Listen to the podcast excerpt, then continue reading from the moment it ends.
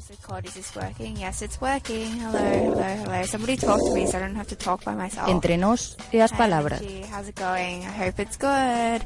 How are your holidays? La, la, la, la, la. No, this, this, oh, I have like nothing to say. Esperando a revolución na marquesina da deputación.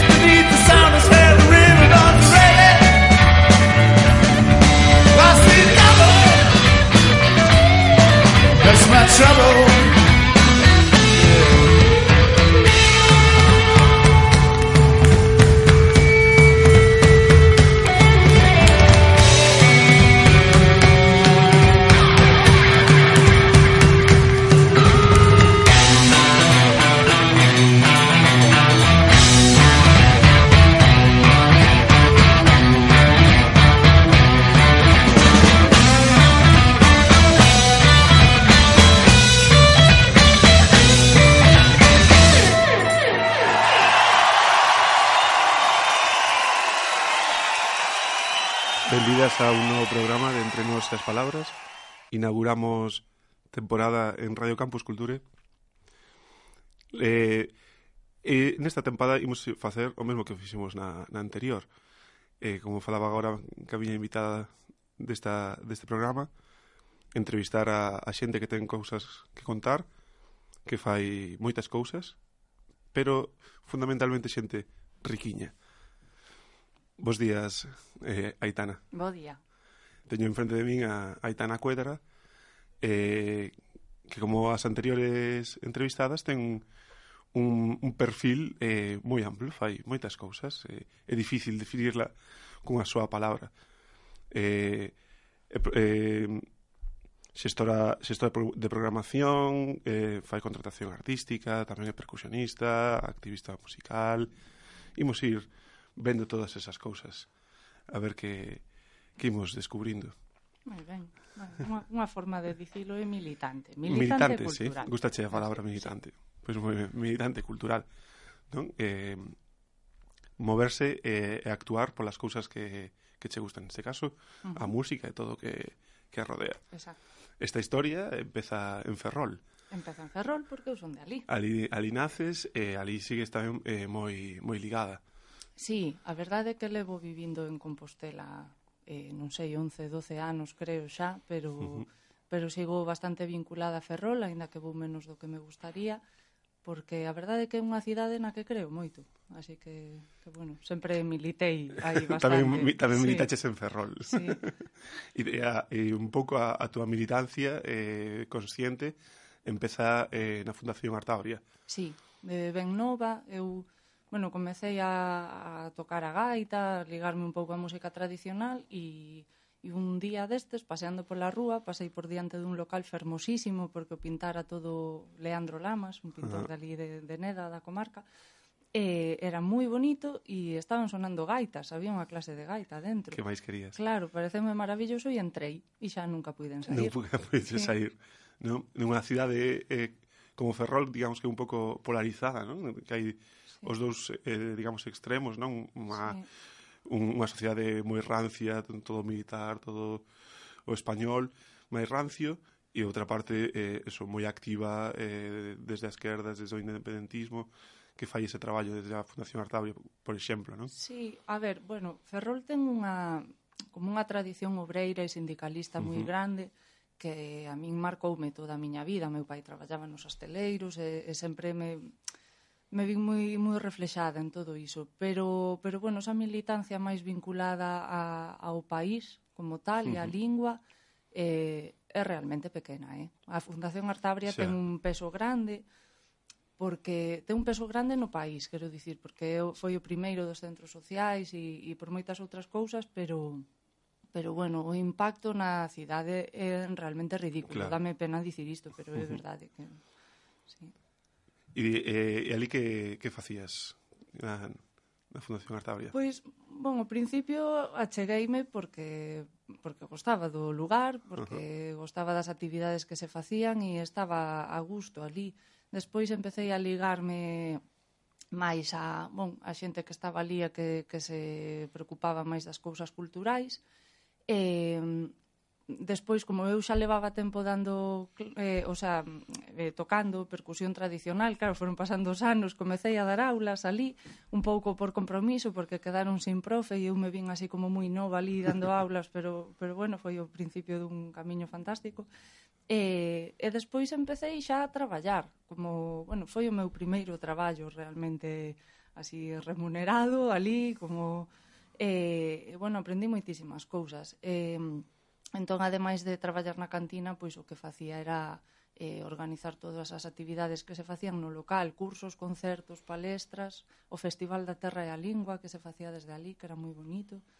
E, bueno, un pouco de todo. E que, que, que é o que che gusta de, de organizar? Porque vemos que che sai de forma natural, digamos, non? Sí. a verdade é que a min encantame a música. Sí. E a, o que máis me gusta da, da música é ver concertos. Ajá Entón, non sei, supoño que busquei o xeito de traballar, de ver concertos, vivir o sea que de ver eu, concertos. eu a parte egoísta, digamos. Sí, totalmente. Sí, sí, eu fago isto porque me encanta. De, de, de, sí. Supoño que tamén terá unha parte de, de partillar os teus gostos e de... Sí. As tuas, non? A ver, eu su, no. supoño que como... A ver, creo moito nas cousas que fago, eu sempre sí. traballo con músicas nas que creo, eh, que non, non necesariamente me encantan todas, uh -huh. pero sí que son cousas que me parecen necesarias que se fagan.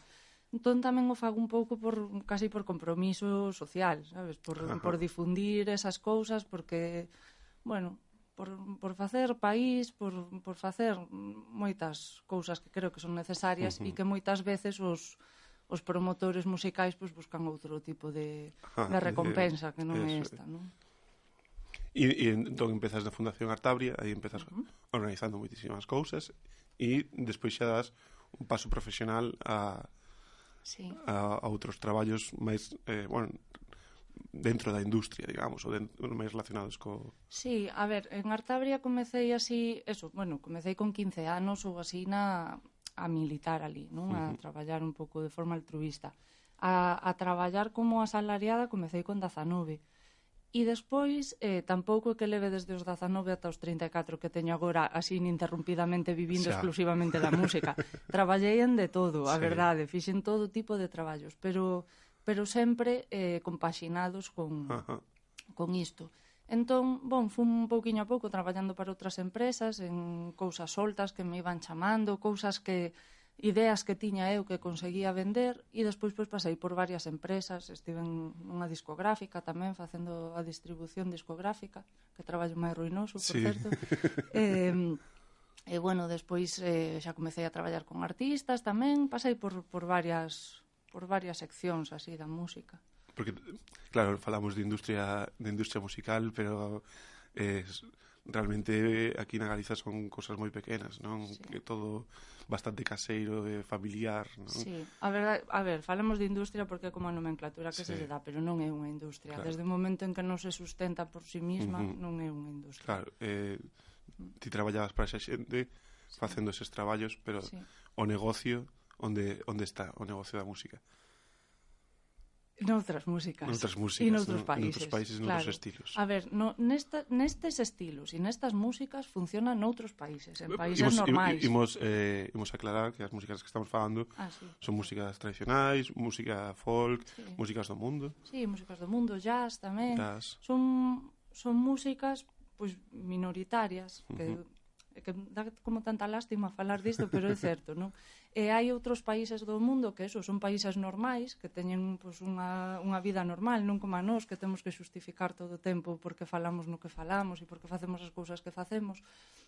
Neses outros países, pois hai moitos máis apoios da, das administracións públicas, pero sobre todo hai moita máis educación no público. Entón a xente está habituada a pagar entradas e a valorar que, que a música custa cartos, igual que calquera outra cousa, e todo funciona mellor. Eu a verdade é que tiven a sorte de, de formarme tamén en algunhas cousas por aí por Europa e, e quedei impactada co, uh -huh. co ben que funcionan as cousas fora. Tanto da parte da industria como da parte do público, non? Claro. Exacto, sí, o sea, aí... Eh, eso, a xente non se asusta por pagar unha entrada, todo o mundo lle parece uh -huh. normal. Uh -huh non sei, teñen que pagar por un xersei ou por un cubata ou por calquer outra cousa, pois, pois pues, pues, escoitar a música que che gosta. E, e aquí gostas. parece que que é un drama, non? Eu traballei un tempo nunha sala e cando cobrábamos as entradas, E eu vía que a entrada canto é 4 euros. 4 euros, 4 euros, pero desde... Ah, oh, 4 euros. E despois entraban pagando os 4 euros que me chamaban de todo. E tomaban e tres cubatas. tomaban tres cubatas. E digo, pero a xente, o sea, no, que aquí non hai conciencia sí, sí, nada. Sí, non, non se miden. A... Claro, entón, aquí, eso, é, é difícil porque porque este país é como é e o que funciona aquí pois, pues, son outro tipo de músicas que non coas que eu non pois non quero traballar porque non creo nelas. Entón, pois, o negocio, digamos que está nas orquestras. Nas orquestras e, bueno, e en outras en outros estilos sí, y, bueno, musicais. Maluma e en todas estas movidas, non, que hai agora, pero pero eu prefiro ser pobre ti, ti, e ti prefires eh, traballar eh, con músicas das que gostas e sí. con proxectos dos que gostas, non? E con proxectos dos que gosto, sí. Pero son máis dos que gosto nos que creo, bueno, de verdade. Sí, eh? nos que estás, eh, sí. as que te identificas, sí. os que eh, sí, consigues sí. un... E que creo necesarios Ahí realmente está. para Ajá. a cultura. Sí. Imos saltar un pouco ao tema das orquestras. Venga, dalle. que é unha orquestra? A ver, bueno. E por que, gost... e por que a xente gosta tanto das orquestras? Pois, a ver, unha orquestra eh, aínda que eu non gosto dese formato, entendo que haxa moita xente que sí que goste, non? Realmente o que nos está dando unha orquestra, como pode ser eh, unha orquestra tipo a Panorama ou a París de Noio, todas estas, uh -huh. Sí, non? Sí. Que hai outro tipo de orquestras. Sí, na orquestras eh, municipais. Sí, ni... claro. Bueno, o que, o que che dan é un espectáculo como super espectacular, valga a redundancia, non? Con un montón de luces, cun palco tremendo, cunhas rapazas que bailan ali divinamente, con todo. Entón, a nivel visual, eu entendo que a xente fique ali como impactada. E despois o que che están dando son versións máis ou menos cutres, dependendo da orquesta, de, das cancións que están de moda hoxe en día. Entón, se a ti te están metendo toda esa música todos os días, todo o día, pola televisión, pola radio, vas no bus, escoitas eso, entras nun comercio, escoitas eso, todo o tempo, pois o que queres é escoitar eso todo o tempo. E xa está. Entón, as orquestas funcionan porque te están cantando, o sea, te están dando un concerto de Miley Cyrus ou de lo que sea. Eu, bueno, a verdade é que estou un pouco desactualizada e non sei o que cantan agora, pero te están dando un pouco eh, eso sin ter que ir a ver a propia artista. Claro, non? costaría e, entón, 40, pues, 50 euros. Claro, eu entendo que funcionen. Non dame pena, pero entendo que sexa así claro. realmente. O problema eh, volve a onde estábamos antes, non? Na cultura do público, non? Que, sí. que o público só demande iso, non? Exacto. O, o público maioritario, digamos, que non... Sí, pero que tampouco é culpa do público, que moitas no, no, veces no, se llevo a xente... Da educación ou da... Exacto, sí. De toda a comercialización e de Exacto. todo... Si, si os medios de comunicación son nos son ofrecen nos iso, pois pues a maioría da xente o único que coñece é iso, porque moita xente nin ten tempo nin ten ganas de estar buscando outras músicas. Mas despois tamén, eh, cando se fan outros outros festivais e outros concertos, sí hai resposta do público, non? Ou dá moitísimo traballo encher sitios para outras músicas? A ver, eu vexo, por exemplo, en Compostela, así que cando se fan as festas aquí, eh, sobre todo últimamente, co este novo goberno, hai bastante máis risco de programación e ás veces traen cousas que, que dis, carai, que arriscado pero sempre está chea a Praza da Quintana, caben 4.000 personas e aí están, non? Pero por qué? Porque é gratuito, porque é verán, porque mm. son as festas, porque non sei que, a xente vai o que sexa. Claro. E é moi necesario facer iso, porque hai moita é xente... É un primeiro paso, claro. polo menos desde as administracións públicas. Exacto, e, a, e o público que, que se achega ali descubre cousas novas que non teria descoberto nunca. Educar o oído tamén é unha parte do, é do traballo. E, pero en cambio cando faz outro tipo de programacións nas que tes que vender entradas é durísimo, durísimo, durísimo e te atopas con, con teatros casi vacíos para artistas increíbles, o mellor un, alguén que traes que a nivel mundial é a repera. Sí, que enchen sin problema noutros sitios. E teñen 30 persoas nun teatro de 600. Bueno, pois pues, pois a seguir turrando, claro. que é así, non, non hai outra. Entón, sí, é, é realmente difícil, pero sobre todo polo pouco apoio que hai desde, desde os medios de comunicación e o descoñecemento do público. Sí, e, e o descoñecemento do público tamén parte do descoñecemento dos medios. Claro. Os medios tamén non coñecerán e no. xa non promoven porque non hai cartos detrás, detrás Exacto. para a promoción. Exacto. É todo un pouco unha, sí, unha, unha roda, non? É difícil, sí. De, e despois, outro dos, do, dos fitos na túa, na túa carreira profesional e o teu paso pola, pola Casa das Crechas. Pois sí, a verdade é que sí. Eu, cando me vim vivir a Compostela, eh, achegueime xa, non sei se o día que cheguei, pero o día seguinte, achegueime pola Ti casa escoitar, Crechas. escoitar a, unhas gaitas, unhas pandeiretas sí, sí, sí, e xa vas ali. ali onde sexa, e Casa das Crechas, pois, coñecía xa o local pola súa programación e pola súa traxectoria, Entón achegueime por ali xa desde, desde o principio pois a tomar algo, a ver que se cocía e a coñecer a xente. E, e acabei eso, traballando ali eh, organizando a programación cultural tanto dentro como fora, facíamos cousas fora da sala tamén en, en, outros espazos. E, e bueno, o sea, por se si alguén ten dúbidas do que é levar a programación cultural dun espazo pois eh, organizar todas as actividades culturais que, que se fan ali, escollelas, contratalas e, e producilas. Claro, non? desde Exacto. concertos, eh, presentacións, Exacto. eh, charlas... Sí, algo de teatro, a veces tamén, mm, contos. Poesía, conta contos. Así, sobre todo música, porque, bueno, eh, tamén é máis o meu perfil, entón ao final mm, acabamos claro. traballando un pouco máis. Eh, e foron cinco tempadas, creo, nas que realmente aprendín unha barbaridade de cousas. Fixen moitísimos contactos, eh, bueno, o, o propietario da Casa das Crechas, Víctor Bello, está moi ligado aos, aos circuitos mundiais, das músicas do mundo, as feiras e tal, comecei con el a ir a, a estos sitios e aprendín moitísimo e foi para min foi un salto, vamos, eh, enorme, porque cando saín de ali sabía moitísimo e me axudou un montón a seguir coa miña carreira e, e bueno, a, a, non sei, a madurar. Como era, como era un pouco o traballo que facías. Eh, Víctor Bello eh, dabache unhas liñas que quería ou dabache liberdade, dicíache estos son os cartos, estos son os ocos que tes que encher. Sí, nada, a verdade é que liberdade total. El contratou mi mismo, ala, fai. Traballo. E xa está. E a verdade para o bo e que... para o malo, traballo sí, que Sí, soa. claro, moitas veces me vi un pouco soa, claro. pero, pero a min traballar con esa liberdade pareceme maravilloso, porque a confianza uh -huh. era pff, total. E, e bueno, e, e la verdade é que mm, se enteraba da programación casi ao mesmo tempo que o público, sabes, cando vía anunciado polo Facebook. E, e todo eran parabéns e, e moi ben. Entón, bueno, eu por unha parte recibía chorrocientas mil propostas todos os días, o sea, sí. a cantidade de emails que se reciben cando se programa é unha loucura, e moitas cousas as, as escollía de entre esas propostas e moitas outras cousas, pois así va buscando eu, pois artistas que estivesen de xira ou cousas que están bandas que presentan disco ou que uh -huh. non sei que. Bueno, se vai facendo unha escolla sempre dentro do respetando un pouco as características do local, que ten, non pode ser unha cosa de heavy metal, porque claro. non ese local co ese mobiliario celta, sí, pois pero non... dentro do das músicas do mundo uh, sí, sí, é de, amplísimo. De todo, e podes... e jazz incluso, y jazz. O, novedades Carmiña chegaron a tocar na Casa das Grechas, quero dicir, cabe todo, non? Pero, sí. pero bueno, hai que... A maioría da programación ten que estar un pouco acorde o espazo e... Porque estamos falando dunhas músicas eh, minoritarias, sí.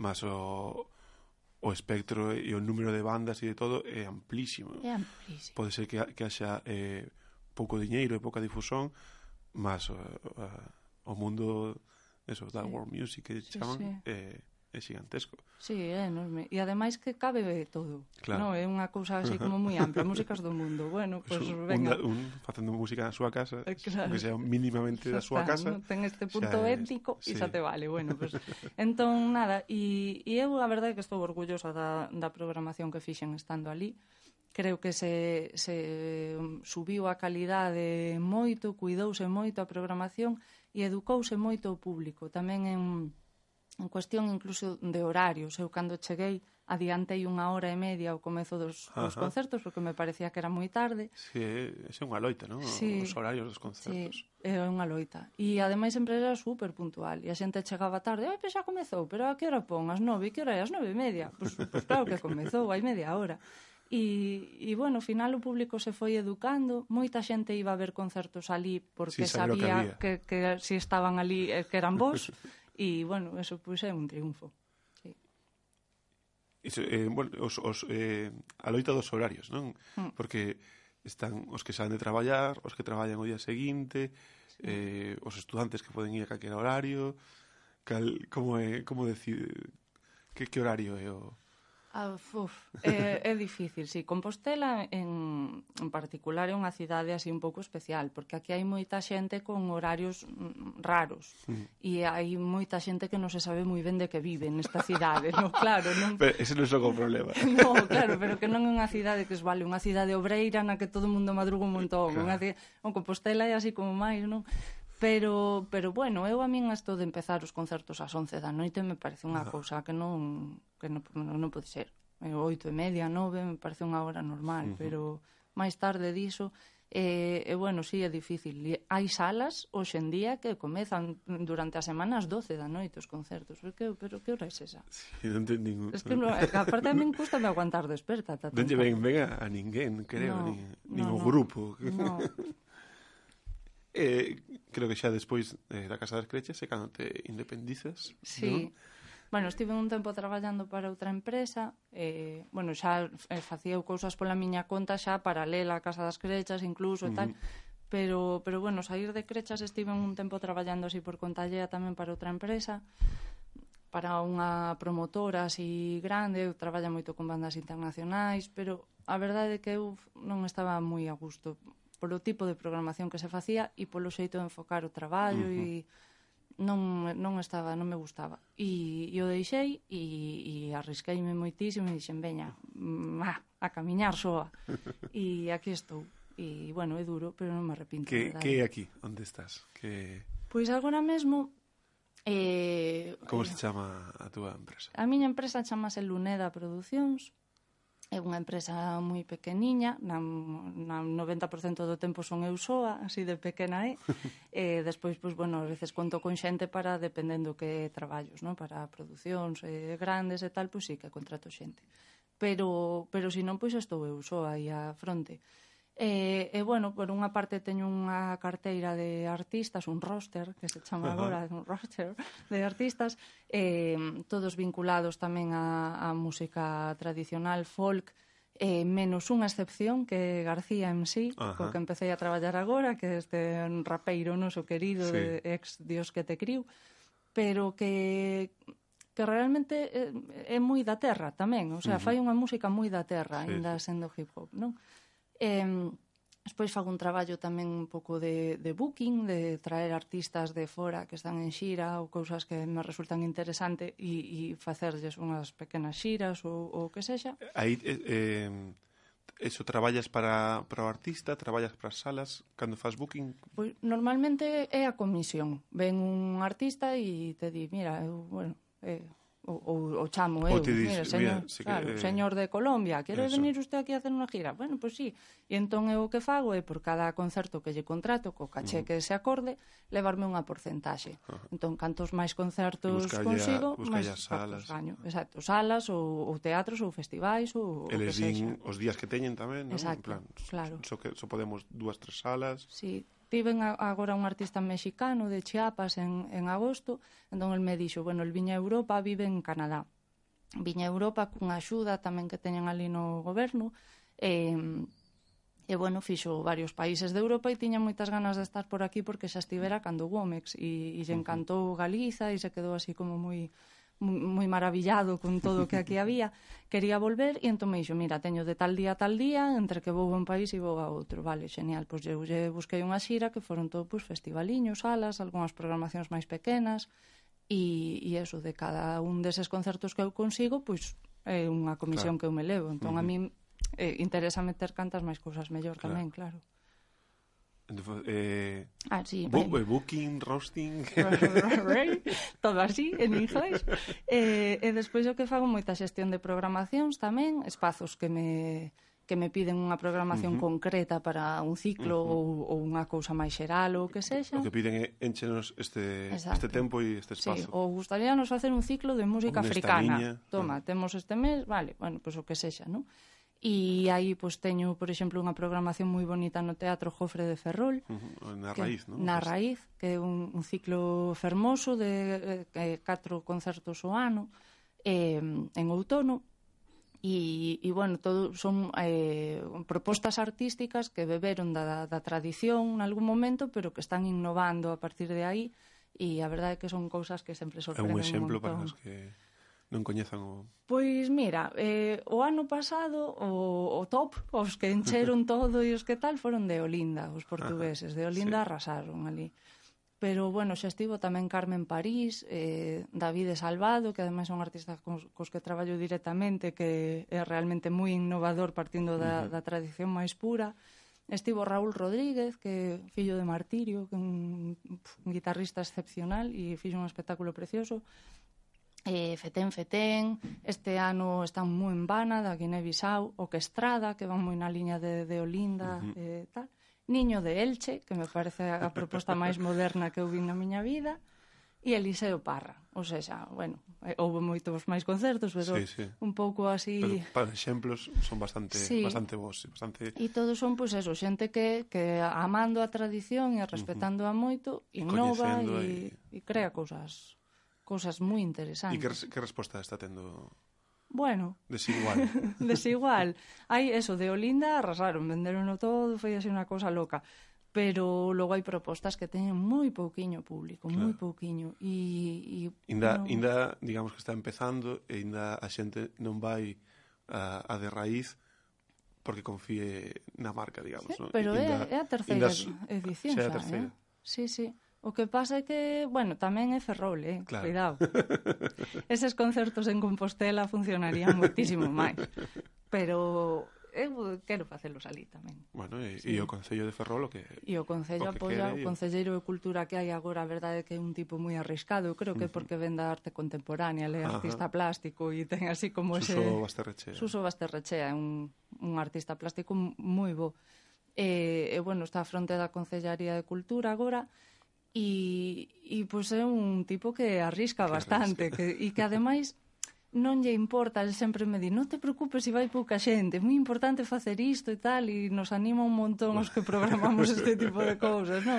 Que pouco que... che diguen esas cousas desde a administración pouco, pública. Pouco, sí, nunca ninguén. A verdade é que este home é unha xoia, pero, pero bueno, pouco a pouco, hai que seguir aí turrando. Cada vez vai máis xente, cada vez se fala máis do ciclo, aínda que logo o público non vaya, mm. escoítase por aí falar, sabes? Bueno, é, son pequenos logros. Pequenos logros. Sí.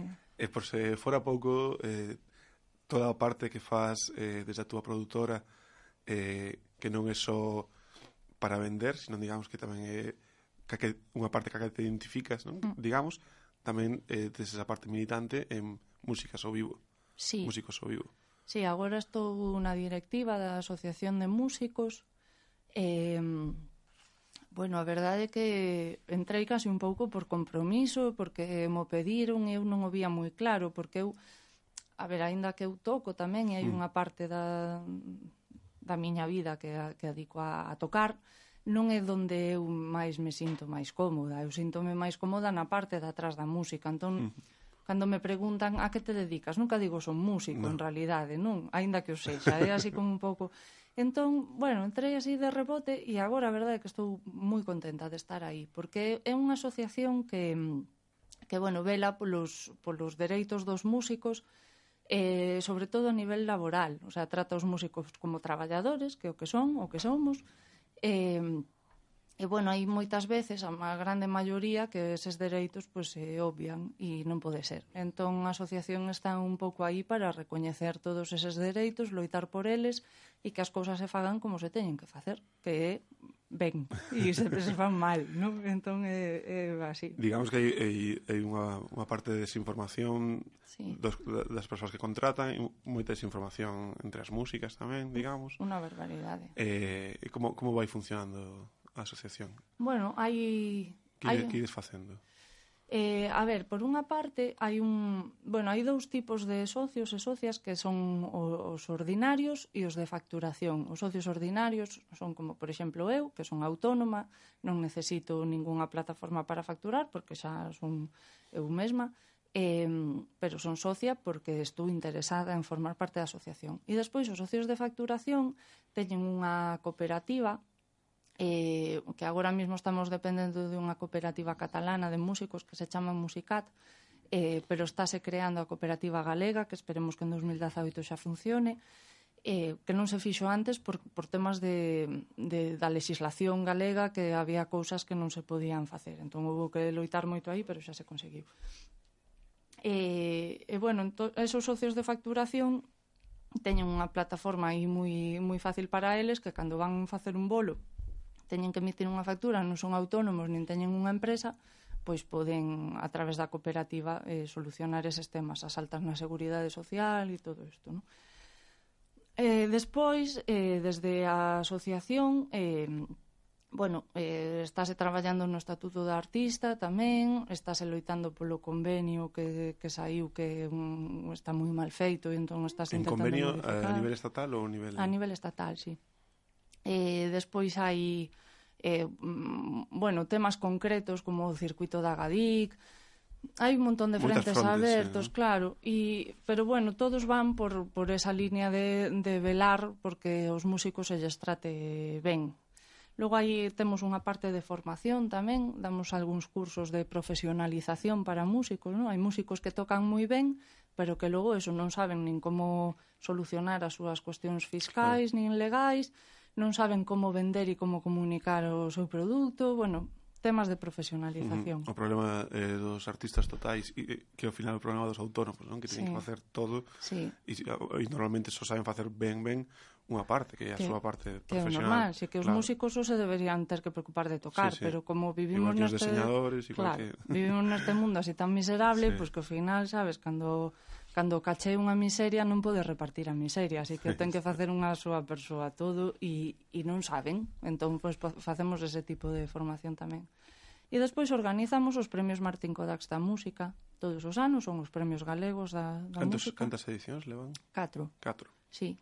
E, e este, esta última edición xa foi como a da consolidación, mm, xa consolidación. Foi un máis, sí. total, así que na que realmente, sabes, encheus o Pazo da Cultura de Pontevedra, estaba todo o mundo con dos premios como se si fose unha cousa importantísima. A xente que lle tocara o premio. Sí, claro, no, e empezamos a ver, isto parece unha frivolidade, pero que a xente iba como mellor vestida. Cando te vistes ben para unha gala é porque é unha cousa claro, importante, sabes? Claro. claro, entón cando ves a xente así, dis, carai, xa se toman isto en serio, que veñen ben vestidos, non? eh, e bueno, estamos moi contentos cos premios. Entón, e desvendo que as eh, iniciativas que, que facedes desde a asociación van tendo resposta. Sí, sí, sí, moi boa, moi boa resposta. E interés en, en todo ese movimento.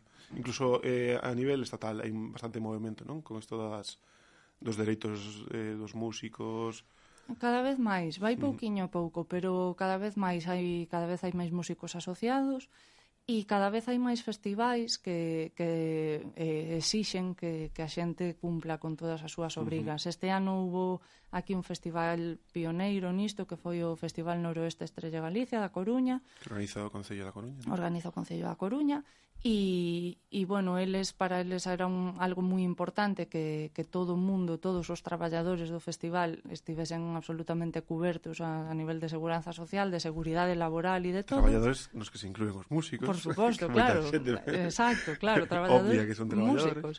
Eh, e bueno, fixeron un convenio con nós, con músicos o vivo, para, para solucionar todo isto. E E, e entón se exixiu a, a alta na Seguridade Social a, a todos os músicos que participaban, todos os que tiñan axencia demais, os que non tiñan axencia non eran autónomos ou que sexa, se lles contratou desde ese propio convenio que se fixo, e todo o mundo foi con todo en regla, todo o tema da seguridade foi perfecto, foi, bueno, O sea, unha cousa... Cando facer as cousas, cando facer as cousas ben é noticia. Sí, eh, pues sí, a verdade é que eh, vai para chorar, eh? pero eu que estaba traballando ali así de, de campo, claro. lle levaba a moitos grupos, eh, lles levaba os seus papéis a asinar, lles daba a súa nómina e, e me miraban unha cara... Sí, algún era... Bueno, algúns estivemos que solicitarnos o número da Seguridade Social que non tiñan, porque nunca traballaran, non?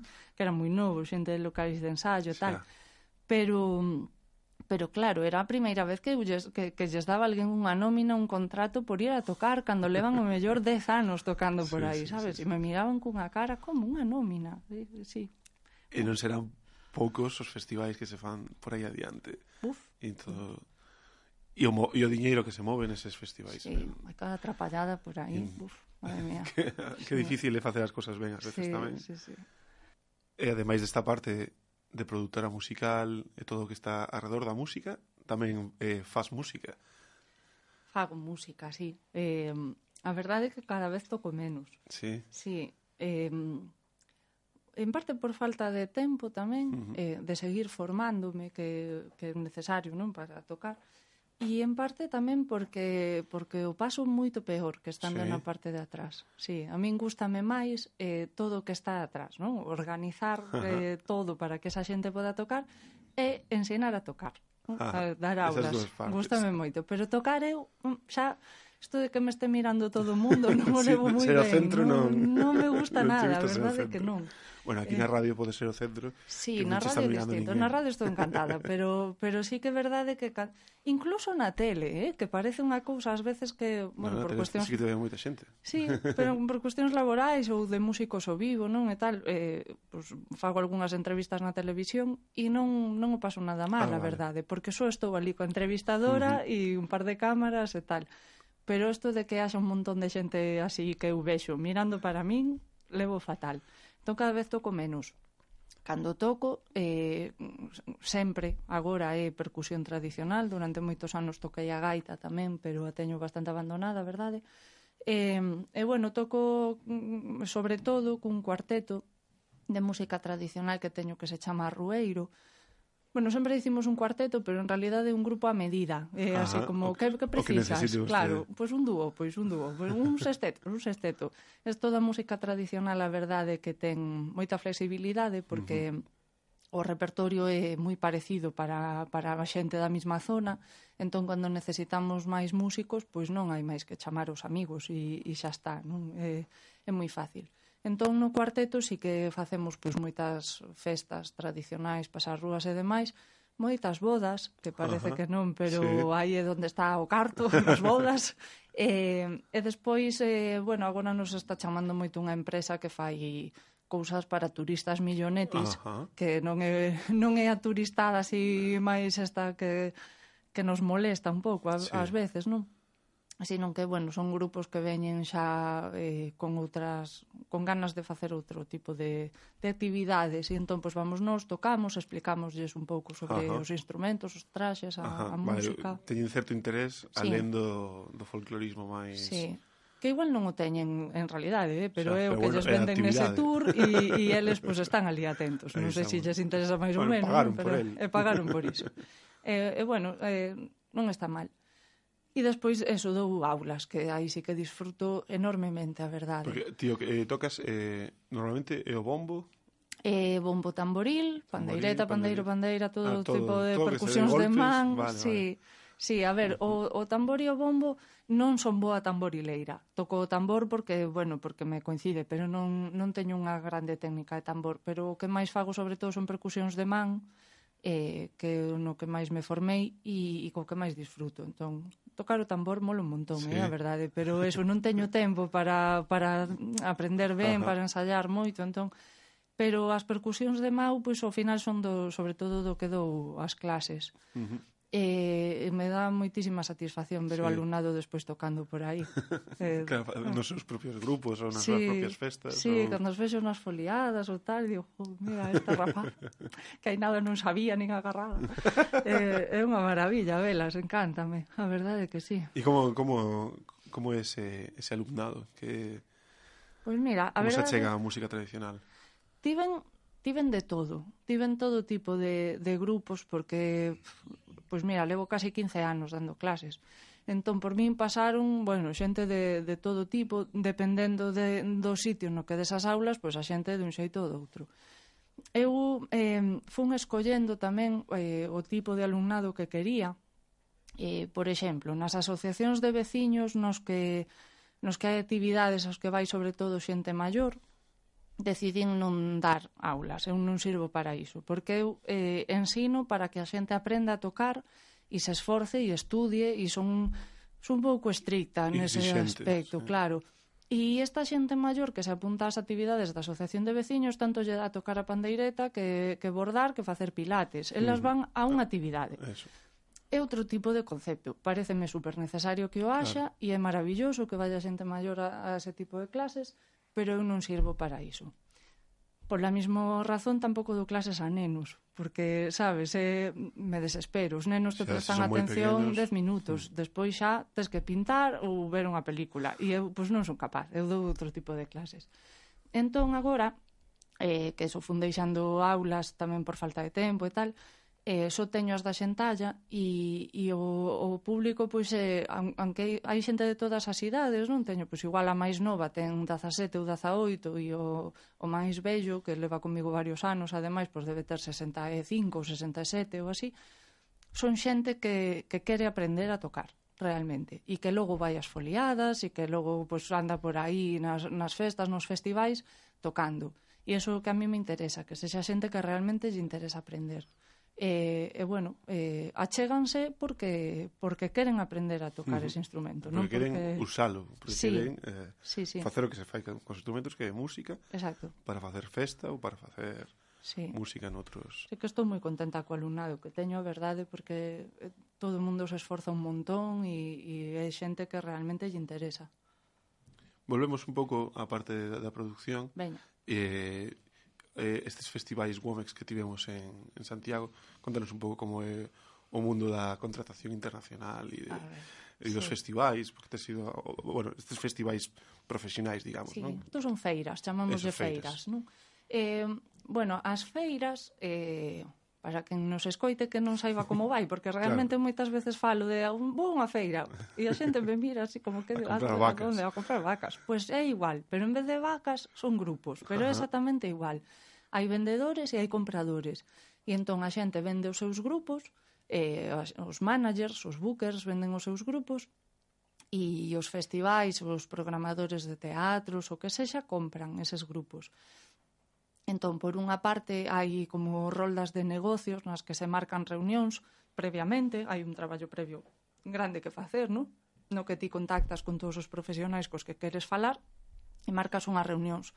E despois hai unha parte de showcases, que son como concertos máis curtos, nos que os grupos que, que son seleccionados, que é moi difícil que te seleccionen, eh, pois fan ali o seu espectáculo e entón os programadores que os veños queren comprar falan con seus managers, os seus representantes e, e fan os negocios. Entón, bueno, isto Womex do que falabas ti é a feira de World Music máis importante do, do mundo. É todo como o mundo, the World, non? todo así. A verdade é que é, é, é monstruosa, é unha cousa super enorme, non? eh, é itinerante, cada vez se fai nun sitio distinto, a veces repítese, eh, como foi o caso de Compostela, que se fixo aquí dúas veces. Eh, bueno, este ano, en outubro sempre, este ano vai ser en Polonia, eh, o ano que ven vai vir as Illas Canarias, que é unha alegría porque é moi caro ir a Womex, a inscripción é moi cara porque se fan negocios grandes e tal. Uh -huh e ademais viaxar a estos sitios pois claro. é un gasto enorme, non? Eu de feito este ano a Polonia non vou, vou ir a, a outras feiras estatais, a unha que hai en Cataluña moi interesante, pero pero a Womex non vou, porque claro, hai que ir a Polonia, dormir, comer e todo, e pagar a inscripción do Gómez e te vas ao final a casi 2.000 euros, que, pues, uh -huh. que, non, que non se poden gastar, porque claro. non o recuperas. Entón, bueno, Canarias é máis barato ir, é máis barato todo, e estás aquí máis cerca, non é, é diferente. E, e bueno, cando se fixo en, en Compostela, eh, a verdade é que foi un éxito total as dúas edicións. Veu moitísima xente, eh, tamén por, por ser barato, eh, claro, xente de moitos países que chegaban uh -huh. aquí e que estaban alucinados que por 9 euros, 10 euros comesen como comían, claro, non? Entón, eh, bueno, funcionou moi ben, moitísimos profesionais acreditados, e, eh, bueno, foi así como todas as cifras din que foi un éxito. Agora, a nivel de negocio, eh, non o foi tanto. Non. Eu o primeiro ano tiven un artista ali facendo un showcase na selección oficial, que xa digo que é moi difícil entrar, a nos cando nos escolleron eu tiven que ler o mail tres ou catro veces, porque pensei que non o estaba entendendo ben, vamos, era como guau, wow, que é maravilla. Pero logo nos pasa unha cousa aquí, que, que aínda que veña un programador internacional e digan, me encanta tu espectáculo, quero contratar este espectáculo e te pago tanto de caché, máis os gastos aquí e tal. Tes axudas para viaxar? É a pregunta que che mm. fan todos. E entón aquí ven a parte complicada. Nos neste paisiño nos só temos un, unha institución que se chama GADIC, que é a Xencia Galega das Industrias Culturais, que é dependente da Xunta, eh, que é a que xestiona todas as axudas para, para todas as cousas culturais. Existen unhas axudas a distribución exterior para teatro e para música, eh, que son unha patata. A verdade é que hai moi pouco orzamento, A maior parte do orzamento vaise no teatro, porque a verdade é que as xiras do teatro entendo que custan moito porque hai que viaxar con escenografía, con un montón de elenco, de técnicos e de todo, comprendo que, hai, que custa máis. Bueno, pois a maior parte da pasta vaise por ali, e despois queda unha parte miserable para a música, e orzamento que en teoría ten que durar varios meses, porque según ti vas contratando podes ir solicita solicitando esas axudas, o día que se abre, normalmente xa se acaba. Se sabe todo o orzamento. Entón, eu pido as todos os anos, nunca máis deron, sigo sí. aí insistindo, non sei por qué, pero pero non consigo. Entón, claro, cando a ti te ven un, un programador, pois pues, imagínate, de Estados Unidos, eh, que son do Festival de Músicas do Mundo de Chicago, wow, dices, que maravilla, encantoume o teu espectáculo, ti ali, wow, non me lo puedo creer, tes axudas para viaxar, bueno, e... Claro, porque... E non podes ir. Eles, eles ven o teu caché, non? pero o teu caché é que somarlle a viaxe. Claro, normalmente os cachés por aí fora son moi bons. Eu con, con David Salvado, este artista co que traballo, fomos dúas veces a Canadá e, e a máis sitios, vamos, pero falo de Canadá porque pero a viaxe moi cara, sí, non? Eh, E, bueno, os cachés están ben. Nesta última ocasión foi así un pouco peor, pero a, o primeiro ano que fomos estaba increíblemente ben pagado. Nunca nos pagaran tan ben a, uh -huh. aos concertos. Pero, aínda así, ir a Canadá son mil euros de billete. Claro. E que non... E iso non está incluído no caché? Non, porque todos os países normais teñen axudas para isto, non? entón te atopas co este problema, entón que tal funcionou o Womex? Bueno, pois mal. Para min, a miña eh, perspectiva é, eh, é que mal. O sea, ali funcionou moi ben, o interés dos programadores foi enorme, pero se logo ninguén te axuda a sair, claro. non vale para nada. Sí. Así que... Poden dicir que, que, se, que a cultura galega sempre está eh, fechada en, eh, en si sí mesma e demais, claro. mas ás veces que tamén non ten axudas para sair. Non? Claro, é que é moi complicado, moi complicado. Entón, ao final, ou, o sea, pode viaxar pois, alguén que teña un proxecto como solista, porque un billete solo tal, pois un solista nun festival grande tampouco cho queren, porque non... Claro. non... É eh, difícil que encha un solista, ten sí. eso Así que é moi complicado, non? E isto, pois mira, bandas como Berrogueto, que que para min é o mellor grupo que houbo aquí, uh -huh. nunca, vamos, sí. o sea, sin ninguna dúbida, eh, pois tiñan estas dificultades, non? E eles eu a primeira vez que eu fun a, a un Womex, que foi en Copenhague, Dinamarca, e eles tocaban ali, tiñan un showcase ali no, Bueno, a xente encantou, o oh. grupo, claro, non lle vai encantar. pero de repente te pos nun grupo que son seis músicos, un técnico e unha manager, oito persoas viaxando con extra seats, porque hai que levar os instrumentos, os instrumentos. guitarras, non sei que tal. É imposible, é imposible ir a ningún sitio, imposible. Se entón, é imposible. Claro. E tampouco se está pedindo eh, ninguna excepcionalidade porque somos galegos e somos especiais, senón unha cousa que, okay, que existe en todos lados. no resto do mundo, non? Antes que falábamos deste artista mexicano que, que trouxen en agosto, El vive en Canadá hai anos, hai moitos anos.